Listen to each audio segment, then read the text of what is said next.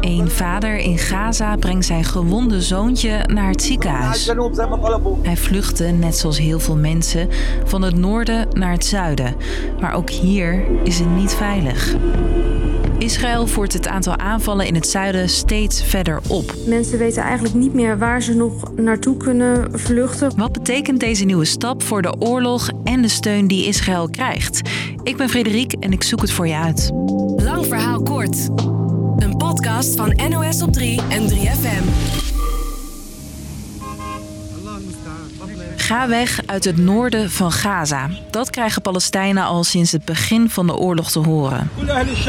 Israël wijst het zuiden aan als evacuatiezone. En dus vluchten mensen daar massaal naartoe. Met het idee dat ze daar veilig zouden zitten. Vertelt correspondent Nasra Habib Allah.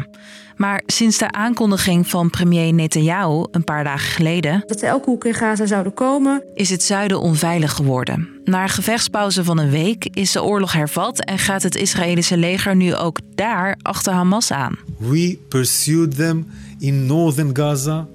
We're now pursuing Hamas in southern Gaza too. Volgens Israël richten ze hun geweld op Hamas, maar gebruikt Hamas mensen als schild. We will operate in maximum force against Hamas terrorists while minimizing harm to the civilian that Hamas places around them as shields. De zuidelijke stad Gaan Yunis ligt nu flink onder vuur.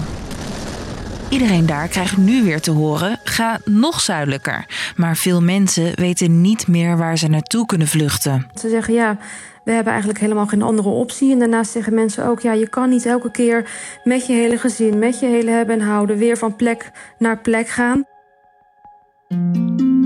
Hulporganisaties zoals Save the Children slaan alarm. It is critical that there must there must be a permanent ceasefire. Er zouden nu zo'n 1,9 miljoen mensen op de vlucht zijn. En als dat klopt, gaat het om meer dan 80% van alle inwoners van Gaza. There is no way that 1.8 million people that have been displaced can fit into an area that previously housed 200.000 people. Zoveel mensen op zo'n klein gebied zorgt voor enorme problemen. Ja, de situatie die is daar gewoon ontzettend slecht. Je hoort mijn collega Nasra weer. Er is een tekort aan alles in het zuiden van Gaza. Mensen lijden honger, de tekorten die groeien worden steeds groter. Mensen staan uren in de rij voor wat brood uh, of wat water. Gezinnen zetten tenten op langs de weg zodat ze een plek hebben om te slapen. Mijn kinderen zijn ziek. Het is koud, ze hebben honger en er is geen zorg, zegt deze vrouw. Ook in Gaza begint nu de winter. Dus zeker s'nachts is het erg koud.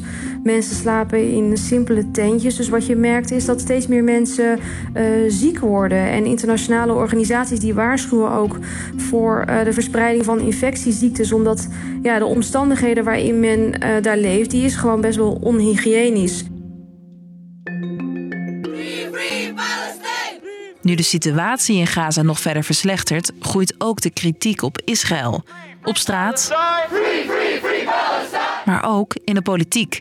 Zelfs bij de allerbelangrijkste bondgenoot van Israël. The United States stands with the state of Israel. Ja, Amerika dus. Groeien de zorgen, ziet correspondent Marieke de Vries in Washington. 68% van de Amerikanen vindt nu dat er weer een nieuw staakt het vuren moet komen. Ook klinkt er steeds meer kritiek op president Joe Biden, omdat Amerika geld en wapens naar Israël stuurt en dus een belangrijke rol speelt in de oorlog. My brothers and sisters, we call him genocide Joe because he is directly responsible for the over 10,000 Palestinian children. Het zorgt ervoor dat de toon van Amerika in de oorlog langzaam verandert.